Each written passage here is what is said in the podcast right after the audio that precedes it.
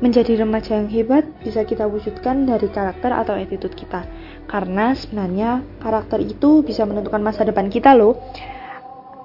Aku mau kasih tahu tiga karakter yang bisa bikin kita jadi remaja hebat dalam Kristus. Pertama, mengutamakan Tuhan.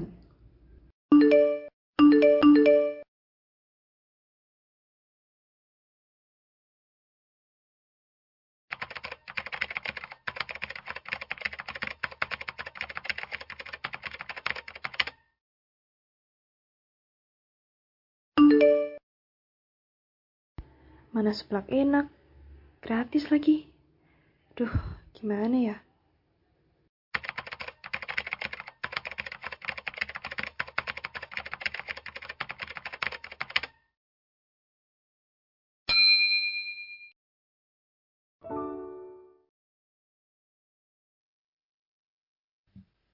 Shalom, selamat datang kembali di channel GC Cop. Judul renungan kita hari ini, Ibadah Sungguh Mendatangkan Berkat. Pembacaan Alkitab kita terdapat dalam Mazmur pasal 122 ayat 1 sampai ayat yang ke-9. Silakan teman-teman baca dulu pembacaan Alkitab kita hari ini. Dan ayat nas diambil dalam Mazmur 122 ayat yang pertama. Aku bersuka cita ketika dikatakan orang kepadaku, "Mari kita pergi ke rumah Tuhan." Daud adalah teladan yang baik bagi orang percaya dalam hal ibadah. Kerinduan hati Daud untuk selalu dekat dengan Tuhan dan tinggal di dalam baitnya yang kudus sungguh teramat besar.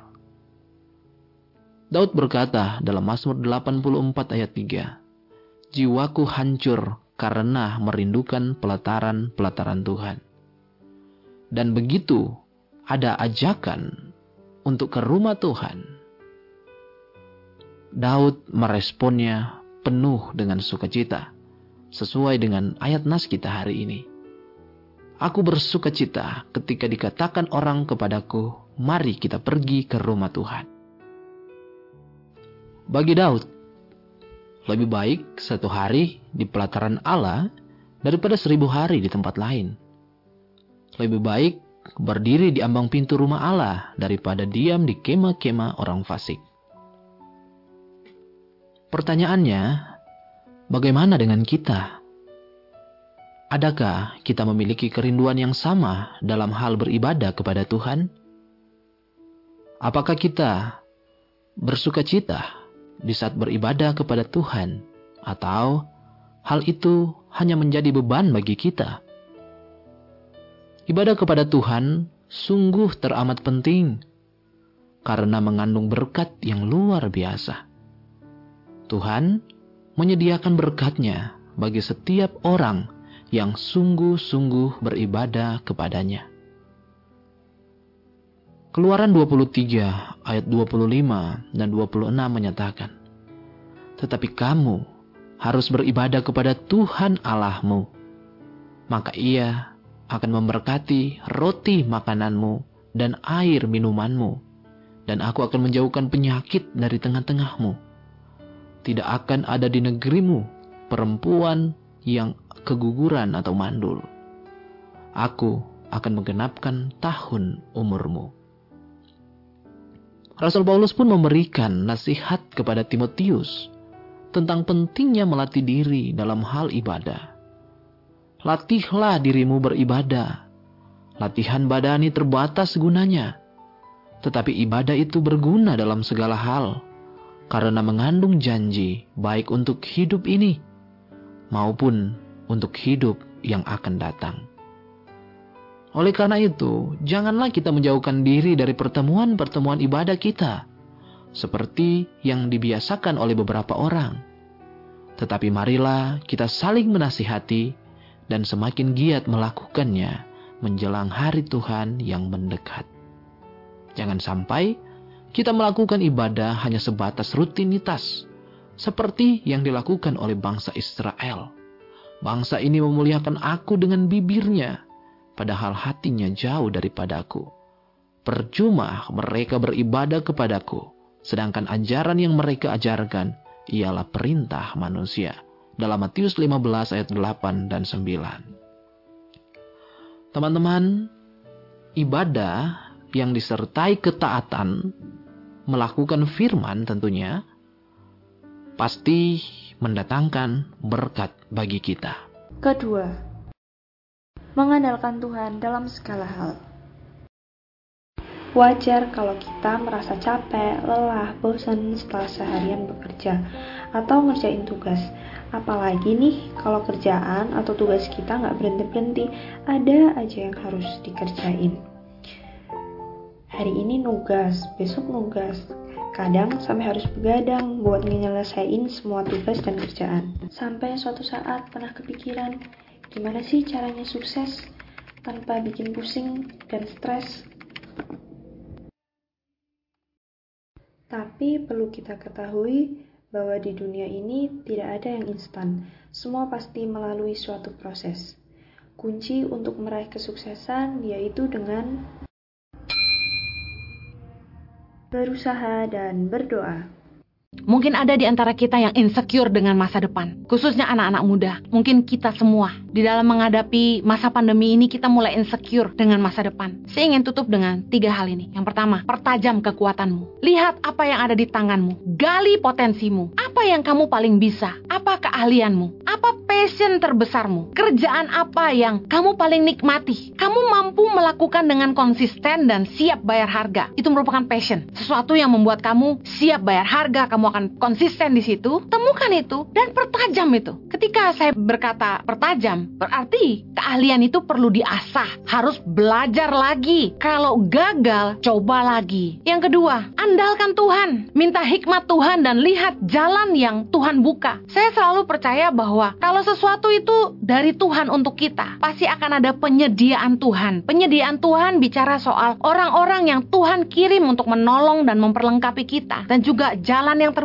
dananya ada. Yeremia 17 ayat 7 berkata, diberkatilah orang yang mengandalkan Tuhan. Kalau kita insecure dengan masa depan, mari andalkan Tuhan. Karena orang yang mengandalkan Tuhan pasti diberkati. Yang terakhir, hiduplah takut akan Tuhan. Karena diberkati orang-orang yang hidup takut akan Tuhan. Tuhan akan terlibat dalam hidupmu. Asalkan kita sungguh-sungguh hidup dalam kebenaran. Berkat itu bukan tujuan, tapi akibat. Mazmur 112 ayat yang pertama sampai ke 9 berkata begini. Haleluya, berbahagialah orang orang yang takut akan Tuhan, yang sangat suka kepada segala perintahnya. Anak cucunya akan perkasa di bumi. Angkatan orang benar akan diberkati. Harta dan kekayaan ada dalam rumahnya. Kebajikannya tetap untuk selamanya. Di dalam gelap terbit terang bagi orang benar. Pengasih dan penyayang orang yang adil. Mujur orang yang menaruh belas kasihan dan yang memberi pinjaman. Yang melakukan urusannya dengan sewajarnya. Sebab ia takkan goyah untuk selama-lamanya. Orang benar itu akan diingat selama-lamanya. Ia tidak takut kepada kabar celaka. Hatinya tetap penuh kepercayaan kepada Tuhan. Hatinya teguh, ia tidak takut sebab ia memandang rendah para lawannya. Ia membagi-bagikan, ia memberikan kepada orang miskin, kebajikannya tetap untuk selama-lamanya. Tanduknya meninggi dalam kemuliaan. Jangan mengejar berkat karena berkat bukan tujuan tapi akibat. Yang harusnya jadi tujuan adalah gini. Pastikan kita hidup benar di hadapan Tuhan.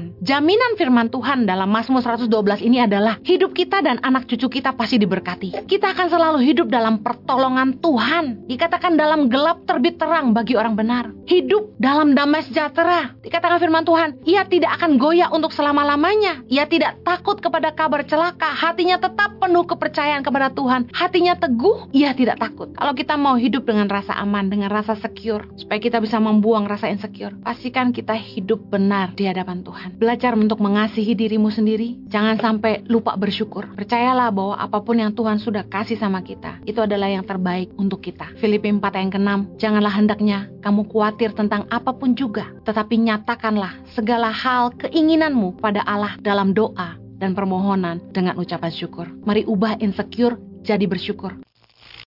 Ketiga, selalu bersyukur dan berhenti untuk mengeluh.